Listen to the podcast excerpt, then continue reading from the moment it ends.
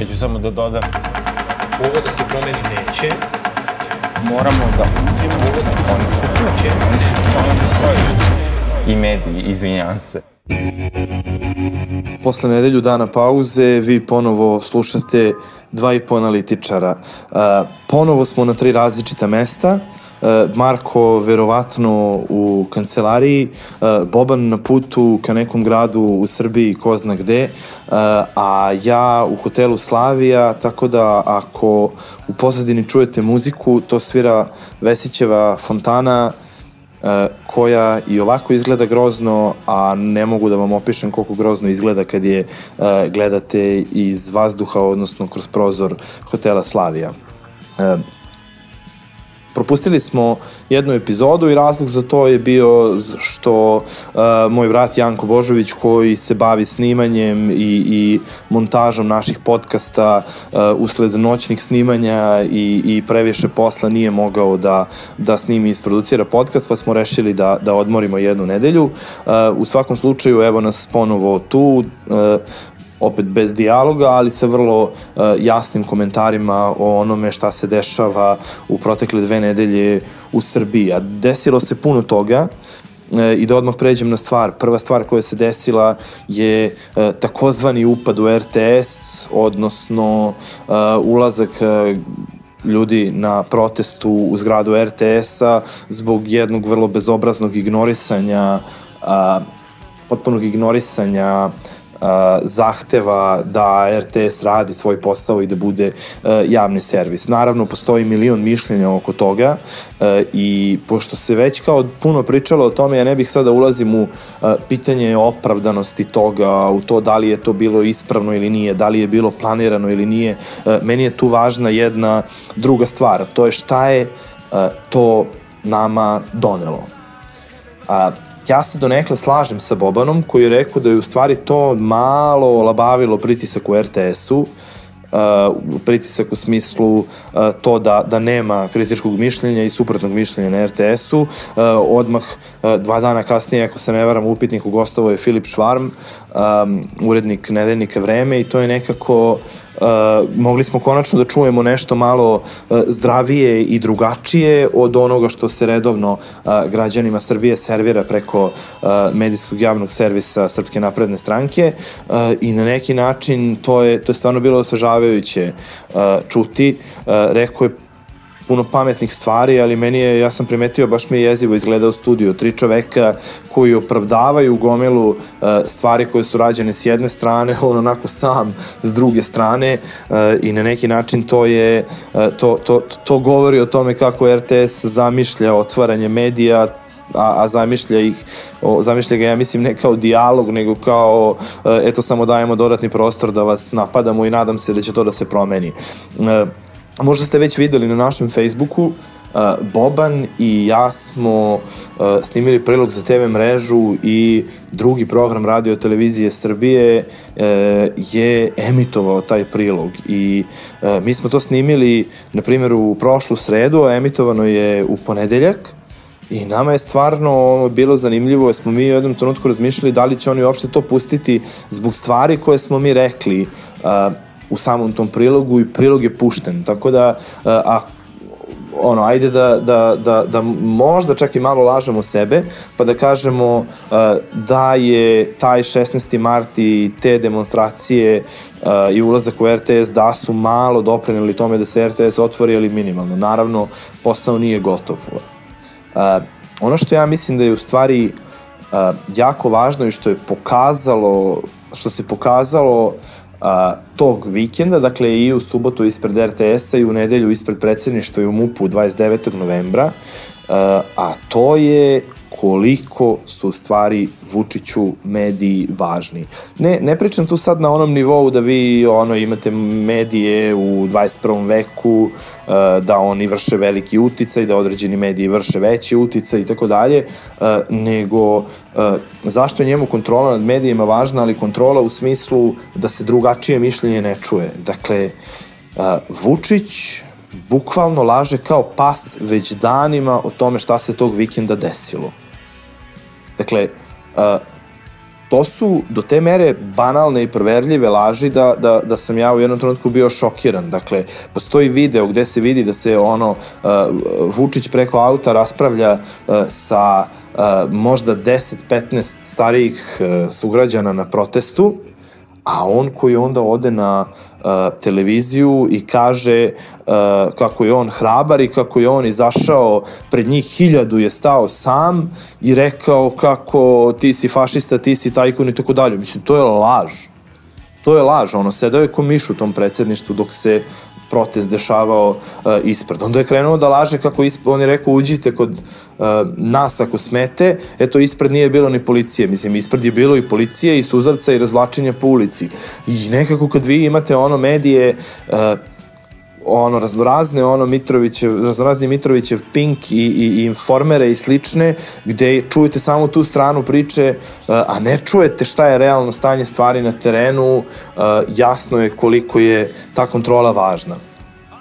Ono, ono što ja mislim je da je taj vikend osvežio protest i da je doprineo tome da se energija protesta koja je malo krenula da opada podigne. Ono što sada očekujemo su stvarno neki planovi i neke konkretne stvari koje ćemo moći da vidimo i od organizacije protesta i od strane opozicije. Dakle, e, bliži se taj famozni 13. april koji je Savez za Srbiju naveo kao rok da se um, ispune njihovi zahtevi, Uh, ja sam jedan od onih ljudi koji kaže ajde da se ne lažemo, ajde da se ne zavaravamo, uh, oni te zahteve ispuniti neće i jednostavno uh, ja još ne vidim odgovor. Dakle, ok, doći će na miting ljudi iz cele Srbije na protest. Taj dan ili sutradan, svejedno je. Pitanje je prvo logistički da li to mogu da, da, da izvedu, ali ok, ajde nek dođu ljudi, nek dođe 100.000 ljudi. I šta ćemo onda da radimo?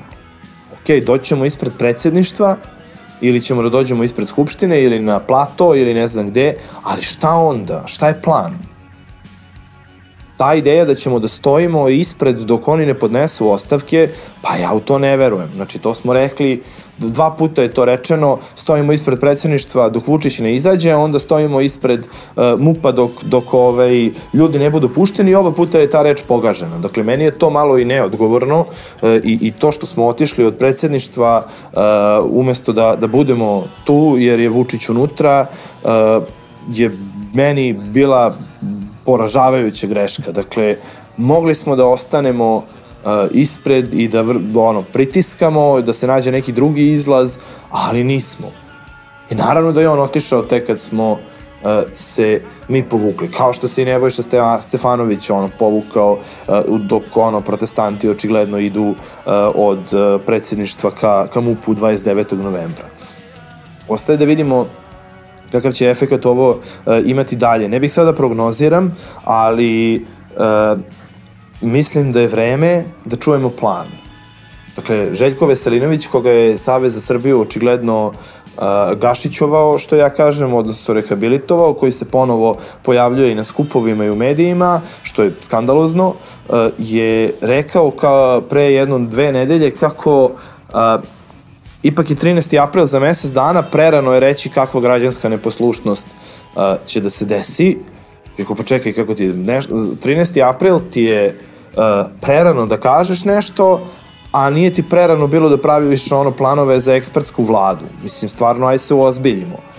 Znači, ok, doćemo na protest, ali ono, ako dođemo ponovo na protest, i neko kaže ne mrdamo odavde dok oni ne podnesu ostavke, a onda ono posle ručka oko pet popodne uh, se pojavi neko ono na, na kamionu i kaže znate šta, uh, idemo sutra, dajemo im rok do sutra u tri, pa mislim to je besmisleno. Tako da moramo da da, da čujemo neki plan i šta da, da očekujemo uopšte to veče. Čiste govorancije ili ne, i, i izgovor za povlačenje ili će e, i opozicija i organizatori protesta stvarno pozvati građane na neku vrstu građanske neposlušnosti, što bih ja voleo e, da, da čujem.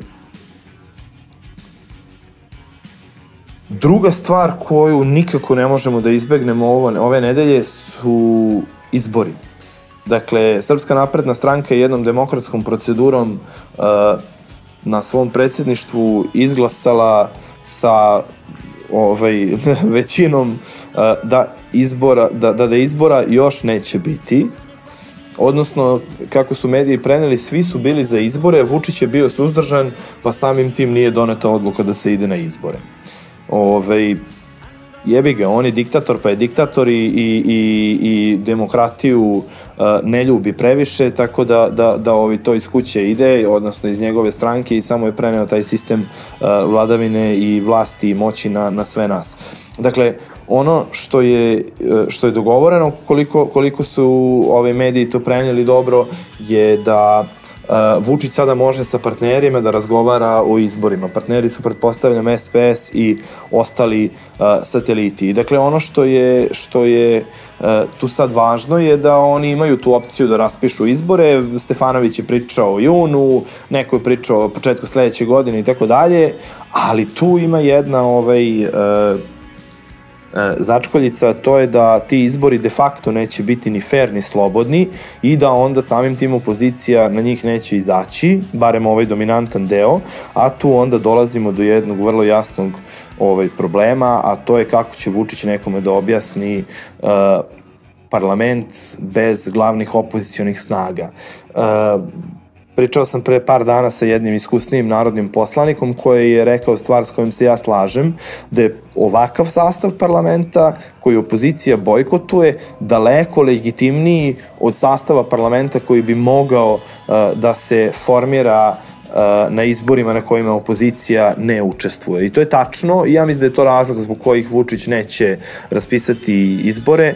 Ako ih raspiše, to je znak da je on uh, nervozniji nego što mi u stvari mislimo i da pravi uh, greške u koracima i da, da pravi velike gluposti. Kako će to da se završi, uh, ja još uvek ne bih mogao da, da prognoziram, ali ako bi mi živo zavisi od toga, rekao bih da izbora neće biti. Uh, on nervozu pokazuje, uh, ove besmislene manijačke izjave uh, vi nećete izbore, vi hoćete da me ubijete i slične gluposti su samo, ja mislim, pokazatelj uh, te nervoze. Uh, ova njegova glumatanja i dramljenja koja su uvredljiva za, za žrtve na, na obeležavanju početka NATO bombardovanja su isto, ja mislim, jedan od pokazatelja nervoze. To, to plakanje. Ono, druže, dok je neko ginuo, ti si do, se useljavao u novi stan sad, sad plačeš.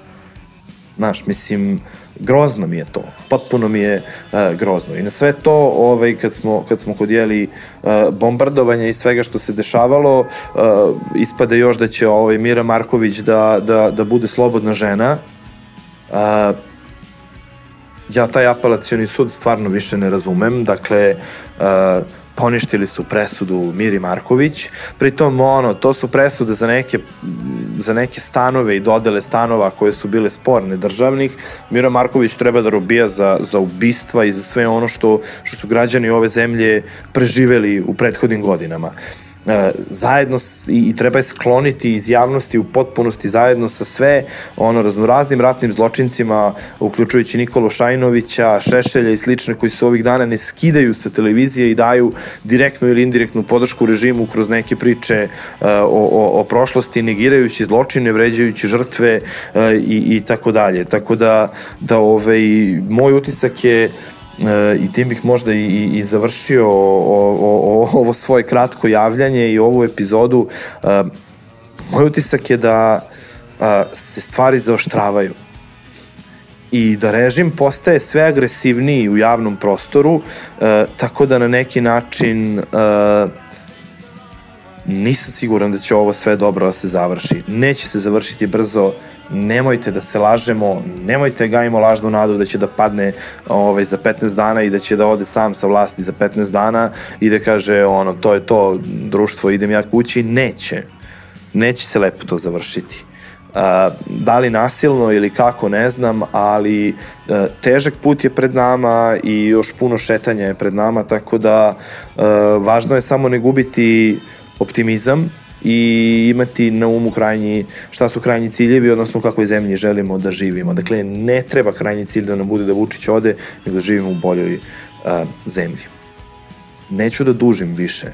A, slušali ste dva i po analitičara, A za kraj, pošto sam sa Markom i Bobanom dogovorio da se svaka emisija uh, završava sa nekom lepom informacijom, pošto mi ovo snimamo u četvrtak, lepa informacija je da sutra od petka kreće sa radom novi portal. Uh, por, o, glavni i odgovorni za portal su ljudi iz nedeljnika Vreme.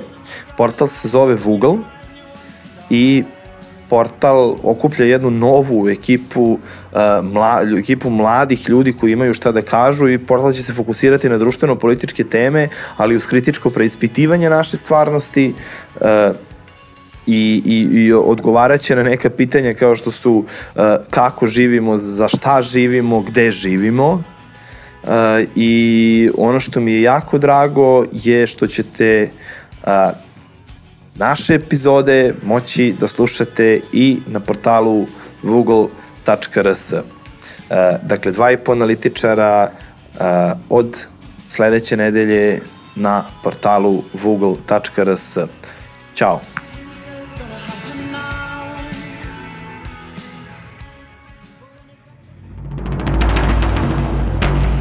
Samo da dodam, Ovo da se promeni neće, moramo da uđemo, oni su tu, oni su samo da stoji. I mediji, izvinjavam se. Dakle, prva tema nam je, e, su zapravo šta se dešava sa demonstracijama u Beogradu i širom svih ovih gradova Srbije i m, nekako da vidimo šta ćemo sa, sa tim 13. aprilom koji se javio kao sad neki taj ključni datum gde će navodno opozicija da dodatno uslovi Vučića. Um, a i m, zapravo u protekle dve nedelje, pošto nismo snimali, ostalo nam je nekako nedorečeno šta, je, šta se zapravo dešava sa opozicijom i različitim blokovima unutar nje nakon upada u RTS. Um, mislim da je problem i dalje to što Boško Obradović je definitivno se pozicionirao kao uh, lider opozicije i što su svi zapravo pristali na njegov nasilni upad u, u RTS, koji i nakon njegovih intervjua se potvrdio kao njegova ad hoc akcija na koju su svi naseli, kao što su i naseli sledeći dan uh, nakon, nakon te čuvene opsade sad predsedništva od koje se odustalo i to pokazuje nekako jednu i taktičku dezorijentaciju opozicije i samog protesta i onda naglo preuzimanje koje je bilo evidentno ovaj, sa, sa ljudima koji su prosto govorili, a koji su lideri Saveza za Srbiju te nedelje. I to je nekako, ja bih rekao, rezultat uh, čitavog tog upada gde su na kraju žrtvovani zapravo ljudi koji su bili u tim prvim redovima i koji su na kraju uhapšeni.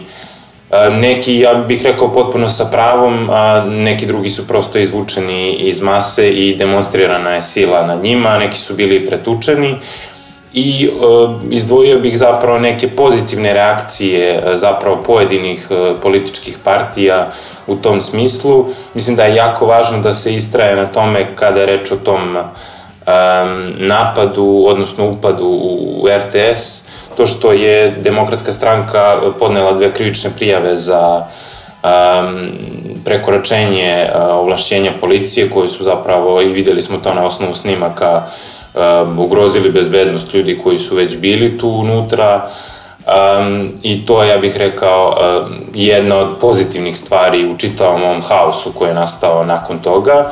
Iako vidimo da je nastala neka vrsta zatišja i da je kao rezultat tog zatišja taj 13. april je ponovo kao zakucan neki novi datum gde ne znamo šta je backup plan, šta je ukoliko Vučić na silne ove zahteve ne odgovori, šta će se desiti.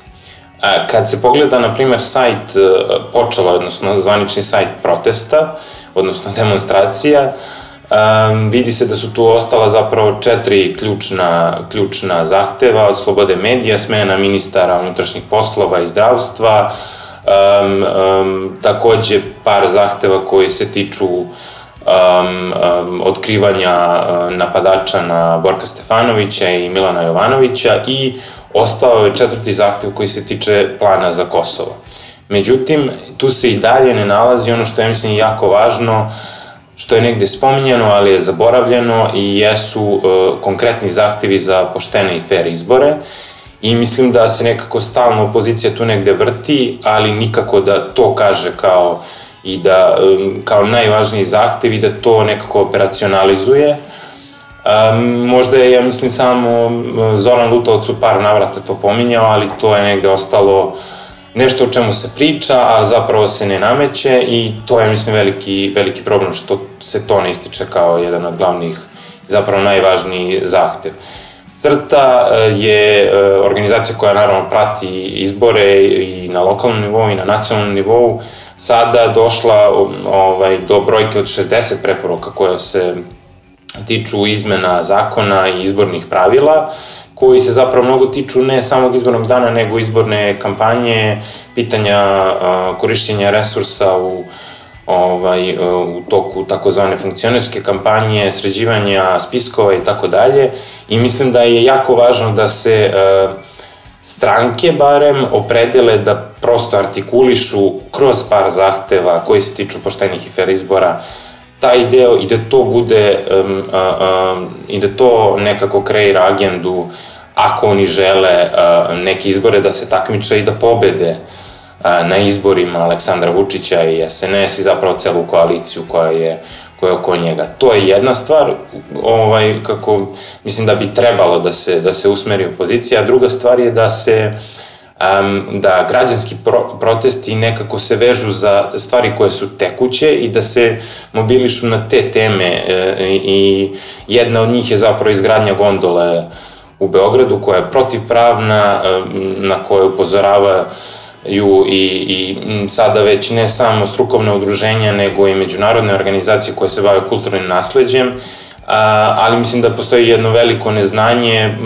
s jedne strane i razumljivo, s druge strane to je užasno alarmantno da, da se tako nešto dešava i mislim da je važno da se nekako građanski protest okrene i na tu stranu i, i artikuliše ne, neki vid zaista pravog otpora prema tome, a da se u ovom političkom smislu već ono zahteva koji su formulisani, opozicija prestroji i da, i da e, priča prosto o, o tome pod kojim uslovima će se izaći na izbore. E sad, ono što, ono što se videlo danas, pošto mi snimamo jeli, u četvrtak, e, vezano za temu samih e, građanskih demonstracija jeste ko su to opet govornici prošle nedelje smo imali opet jedan ono, nacionalistički pamflet od strane Sreta Malinovića koji potpuno je u ja bih rekao u saglasju sa, sa državnim narativom o tome zašto smo bombardovani, zašto je toliko žrtava moralo da, da strada i tokom 99. godine, ali i tokom 98. godine kada je zapravo rat na Kosovu i počeo. I tu manje ili više e, su određeni predstavnici Saveza za Srbiju i SNS-a potpuno, uh, na potpuno istoj, istoj strani i mislim da je to jedan veliki problem uh, da se taj, taj narativ o odbranbenom ratu razgradi, da se zapravo govori o, o ono, pravim brojkama uh, i uzrocima i posledicama, ne samo NATO bombardovanja, nego raspada Jugoslavije, a nažalost o tim temama kao i o presudi ovaj, Radovanu Karadžiću nismo nismo na neki način mogli da čujemo unison glas što je razumljivo, ali zapravo to pokazuje ranjivost čitavog saza za Srbiju gde je naravno Boško Bradović rekao da ne prihvata um, odluke i, i uopšte presude Haškog tribunala, dok su se naravno Demokratska stranka i LDP i, i ovaj, čak i stranka Moderne Srbije koja se tu javlja kao jedan novi glas oglasili, mislim još je bilo i par, par drugih stranaka koje su potpuno pozdravile poput pokreta, pokreta slobodnih građana, ovaj, koje su se oglasile da pozdravljaju tu, ovaj, tu presudu na doživotnu kaznu zatvora za, za Radovana Karadžića. Ali opet je jako važno da se stranke opredeljuju na te teme, da se ne beži od politike, da se ne beži od tema kao što je Hag, kao što je Kosovo, E, i da zapravo ne sme biti moratorijuma na, na teme koje politički profilišu građane za koga će sutra da glasu, jer će svakako nekih izbora, nekih izbora i biti. Ono što je jedna druga novost jeste da, e, i što pokazuje opet jedan potpuno heterogeni um, i dalje karakter ovih demonstracija širom Srbije jeste da su u Gornjem Milanovcu je najavljeno da će govoriti um, Srbijanka Turajlić i, i Mirjana Karanović, što ja negde vidim kao jedan on, pozitivan signal za, za barem građanski opredeljeni deo Srbije i da je to dokaz da postoje neki ljudi kojima je stalo da, da na primjer, te dve žene koje uživaju potpuno poštovanje zbog njihovog rada i u svojim profesijama, ali i zbog toga šta i kako e, su se političke predelile, kako su bile aktivne e, u, u, svom, u, u svom dosadašnjem radu i decenijama unazad bile protiv rata i protiv zapravo um, nacionalističkih politika, um, da je važno da one govore pa čak i u jednom uh, manjem mestu kao što je, kao što je Gornji Milanovac. To je jedna ovaj, pozitivna stvar koja pokazuje da ipak m, ipak postoje, postoji ovaj, neka distanca od ovog, ja bih rekao već m, jakog desničarskog i nacionalističkog preuzimanja a, građanskih a, demonstracija. Ali ono što nam pokazuje se jedan drugi trend jeste da će recimo ovaj, Čedomir Antić ili Branislav Lečić koji sad već ono, dominira protestima opet govoriti, um, tako da Čedomir Antić tu zapravo nastupa kao neko ko je blizak uh, Jeremićevoj stranci, odnosno Narodnoj partiji, um, i to sad pokazuje tu skalu, ovaj, 50 nijansi uh, ovaj, sive, odnosno 50 nijansi Savza za Srbiju koji se ne razlikuje puno u tom svom konzervativnom jezgru. Ali mislim da, da treba videti šta će, šta će se još dešavati sa tim manjim mestima, kako će ona reagovati, ko će biti ti ljudi koji demonstriraju, ali mislim da je važno da se do tog 13. aprila, koji ne verujem da će nešto promeniti, uh, artikuliše zapravo ono što, ono što je važno za, za uh, fair uslove za, uh, za izbornu kampanju. E, što se tiče ove naše druge teme, odnosno izbora, mislim da je to sad već toliko degutantno da je teško i komentarisati bilo kakvu najavu izbora. Vučić je poznat po tome da najavljuje, pa odjavljuje izbore, ali i parade, kao što smo videli, on je najavio tu paradu za, e, za Niš 24. marta, pa je onda samo rekao dajte molim vas da, jeli, da to otkažemo. Tako da mislim da, da isti slučaj i sa izborima i da je to samo jedna igranka bez prestanka. Uh, I da to, uh, kao i razne druge stvari koje, koje vlast radi, zapravo skreće pažnju sa, sa nekih drugih pitanja. Uh, recimo kao što je i naša, naša treća tema, a to je, to je zapravo ova saradnja ili svesredna pomoć crkve i države, ili to jedinstvo koje je ovaj, pokazano zapravo najviše kroz, kroz izjave Irineja u poslednjih nekoliko meseci, ali je zapravo vezano za, za prosto donaciju a, vlade Srbije i to budžetsku a, od 1,18 milijardi eura, što je negde blizu 10 miliona eura, za nastavak izgradnje, odnosno dogradnje i rekonstrukcije hrama Svetog Save što je onako ogromna jedna cifratina koja je data, um, a imali smo priliku i da saznamo u novembru prošle godine da je dat milion eura, odnosno, da, milion eura, um, zato da se ispeglaju ostale neke administrativni troškovi i davanja uh, koje crkva mora da, mora da sredi.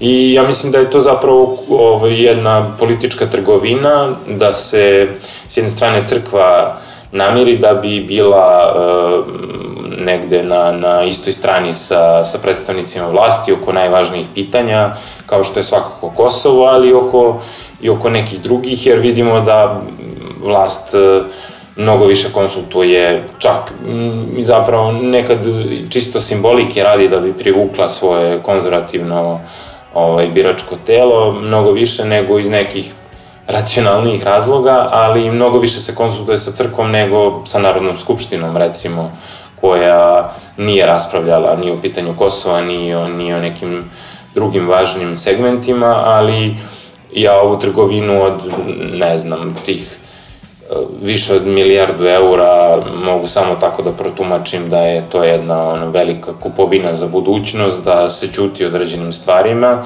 ali je i to jedan veliki bezobrazluk s obzirom na um, infrastrukturne stvari koje nedostaju ovom društvu od prosvete, obrazovanja, zdravstva, svih stvari, vrtića kojih ima sve manje, kapaciteta za neke a, druge stvari koje, kojih sigurno je potrebno drugačije preraspodeliti nego dati a, Srpskoj pravoslavnoj crkvi i to kao, um, kao da je ona jedina verska zajednica ovaj, u Srbiji, a naravno da, da ne govorim koliko, koliko je to u nesuglasju sa, sa jednim od ustavnih načela da je država sekularna. Eto, to je to.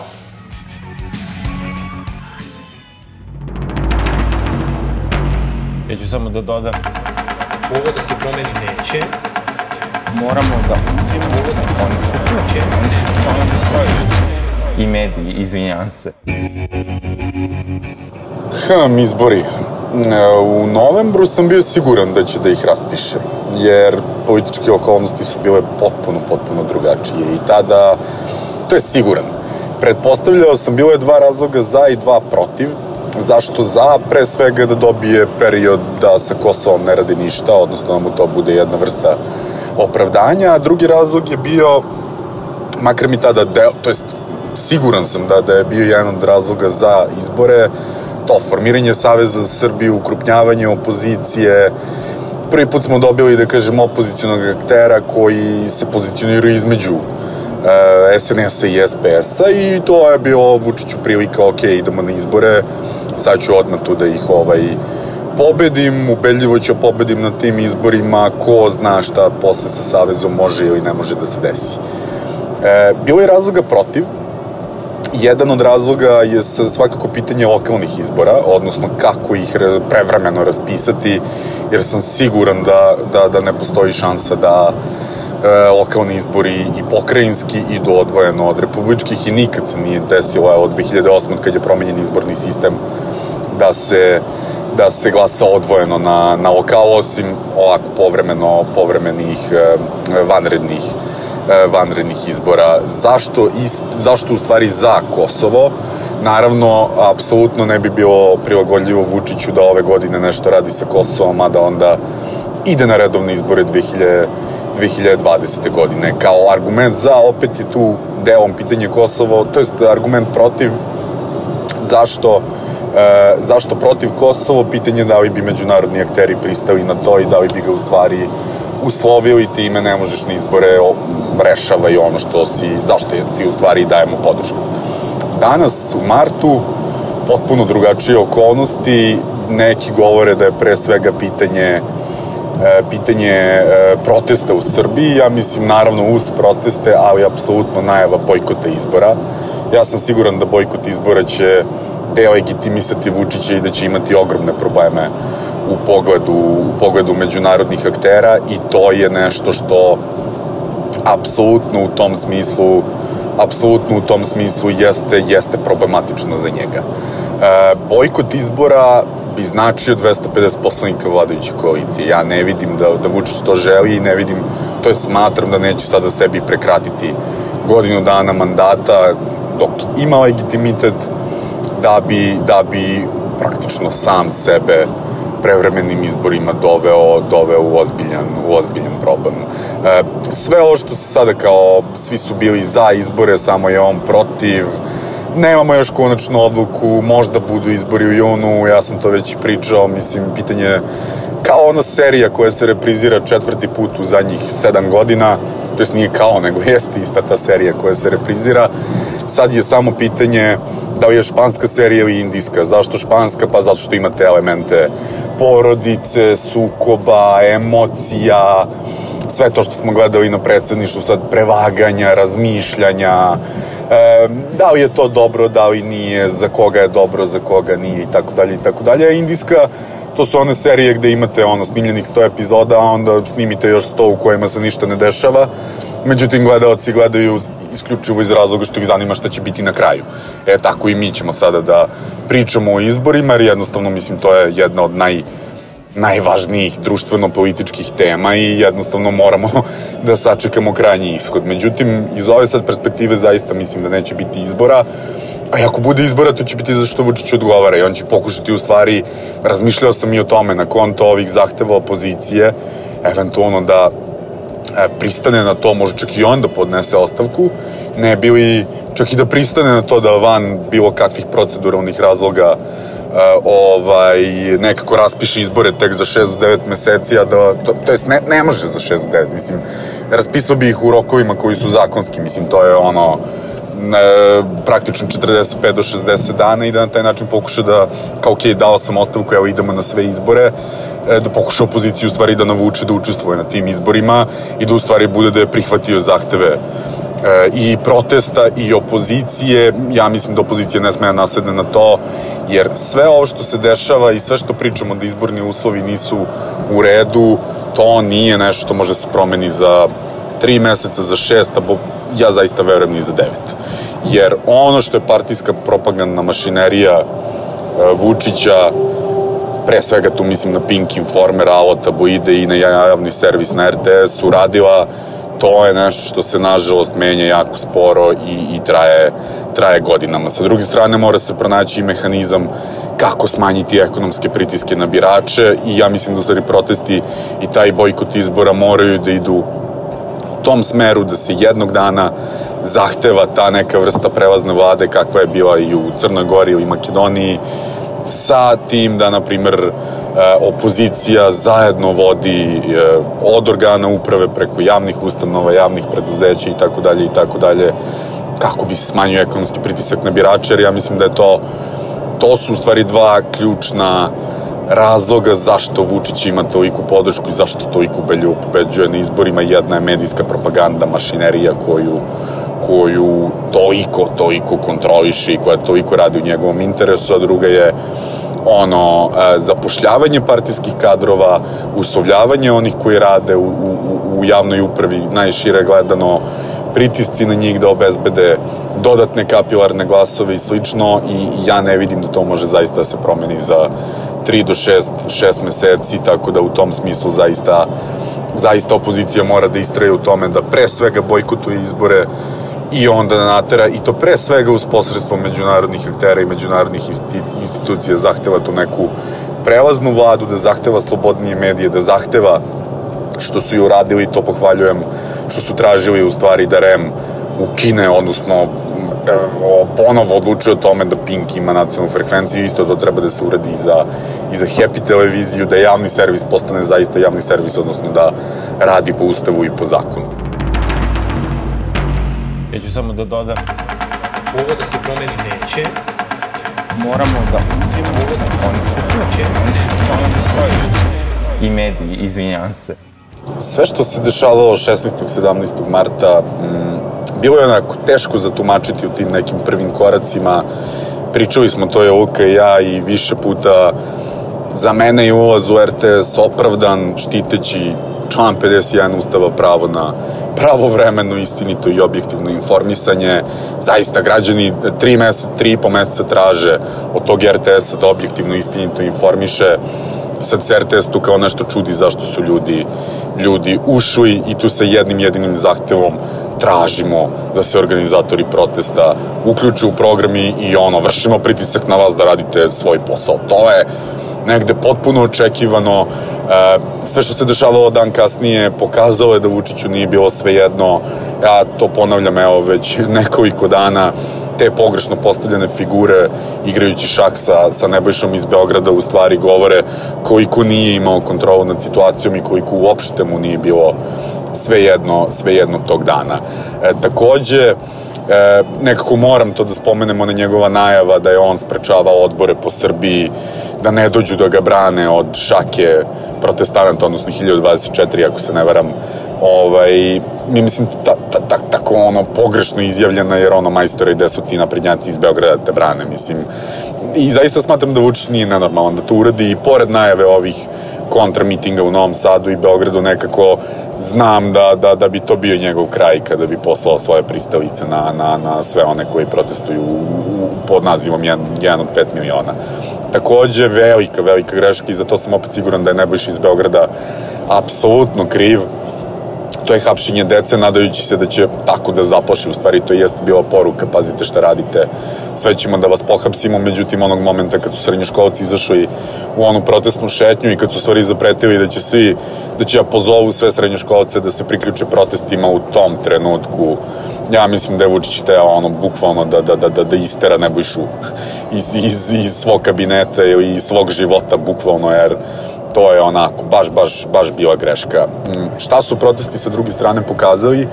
Ja mislim da su smanjili jaz između političara i, i, i ma, građana koji šetaju, a ne podržavaju aktuelne političare. Mislim da je Boško pokazao da bez obzira na sve može da uđe u taj RTS i da traži da nikome ne, ne, ne fali ništa, da se ni jedna hemijska ne slomi i da niko apsolutno ne sme da bude ugrožen. Videli smo i Đilasovu zabrinutost, očigledno se našao tu ovaj, i da uopšte nije znao ništa može da očekuje. Videli smo ih da su prvi ispred kordona, videli smo da su se nudili da budu uhapšeni. Videli smo Zorana Lutovca koji je konačno postao lider i pokazao da, da i za tu demokratsku stranku ima, ima ko da govori u njeno ime. E, videli smo ih sve u nedelju na kamionu, da pričaju, E, mislim da će sada sve više da pričaju. Nisu preuzeli proteste, to i dalje mislim da veliki broj ljudi ima ima tu nekakvu nelagodu da ih vode političari iz Saveza za Srbiju, ali se jaz izuzetno smanjio i mislim da je to dobro. Mislim da je dobro jer jednog dana kada se bude izašao na izbore da se, da se suprostavi Vučiću, neko će to morati politički da vodi, e, neko će morati da obezbedi nekakvu infrastrukturu, neko ko zna kako se organizuju izbori, ko zna kako se štite glasovi na izborima i tako dalje i tako dalje, tako da u tom smislu mislim da su e, ta subota i nedelja u tom izuzetno doprineli. Šta dalje? Mislim da to je broj ljudi naredne subote je pokazao da, da nema posledica tog upada u RTS. Videli smo da, mislim, protesti treba da ostaju mirni, Sa druge strane, treba i, kom, i ubacivati elemente građanske neposlušnosti. Mislim, građanska neposlušnost, ono, svesno kršenje zakona zato što više ne možeš da trpiš nepravdu i to i jeste poenta građanske neposlušnosti, jer ne sme to što je nešto zakonito ili sa druge strane to što neko krši zakon, mislim, morate se pobuditi protiv toga. Znači, morate se pobuditi protiv RTS-a i ja sam za neku situaciju kombinovanja građanske neposlušnosti i mirnih protesta. Jedino ono što smatram da bi bilo dobro da svi elementi građanske neposlušnosti bi trebalo da budu najavljeni, da jednostavno i jako, jako dobro isplanirani, e, da se zna šta su moguće posledice, da se zna kako se reaguje, da se zna kad se odustaje, kad se ne odustaje i u tom smislu mislim da su protesti zaista ušli u neku drugu fazu. Međutim, sa druge strane, opet me malo plaši taj 13. april, za sad mi deluje da niko nema ideju šta će tačno tada da se radi. E, ja sam osoba koja smatra da ne može 13. april da bude dan D i da je ovo jedna dugotrajna borba i da Vučić neće podneti ostavku, odnosno može da je podnese samo samo ako to njemu odgovore i kad se budemo dotakli vanrednih izbora, nešto ću ja kažem i o tome. U tom smislu protesti moraju da se nastave, ovo je duga borba, mislim koliko se dugo šetalo i protestovalo protiv Slobe Miloševića.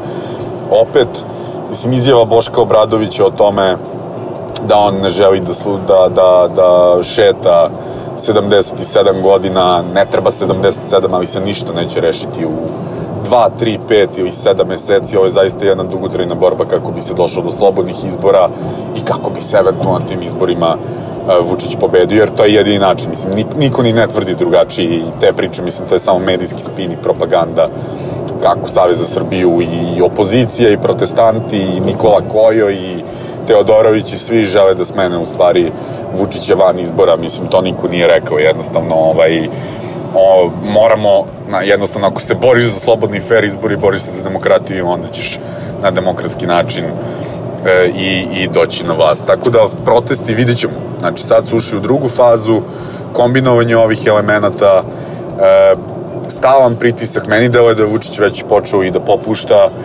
gostovanje Švarma na RTS-u, na upitniku, u, u situaciji, u, u emisiji u stvari upravo o tom upadu. Luka i ja smo pušteni, do duše preko produkcijske grupe mreža, ali pušteni smo na RTS 2 gde smo govorili o svemu ovome potpuno otvoreno. Ja sam siguran da u nekom momentu će Vučić morati da krene da popušta. I to ne zato što on želi, ne zato što je demokrata, ne zato što, mislim, daleko bilo.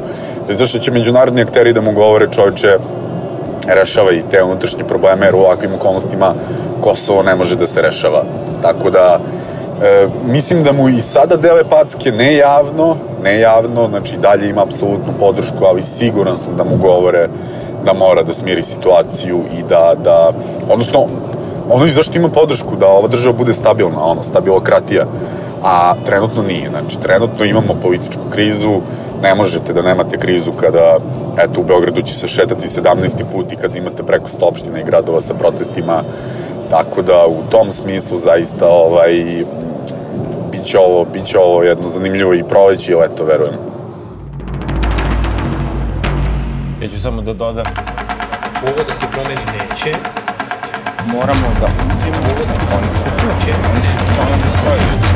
I mediji, izvinjavam se.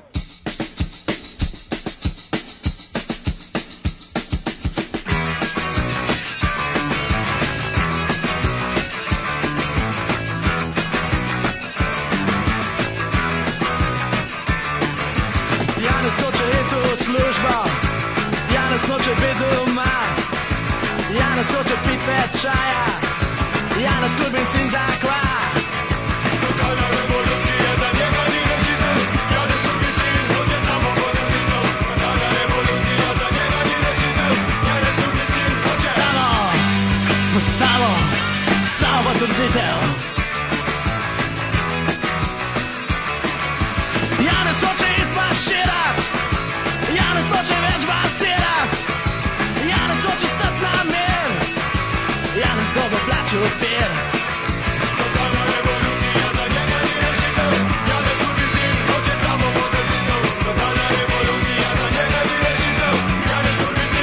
Samo, samo pod the, samo pod the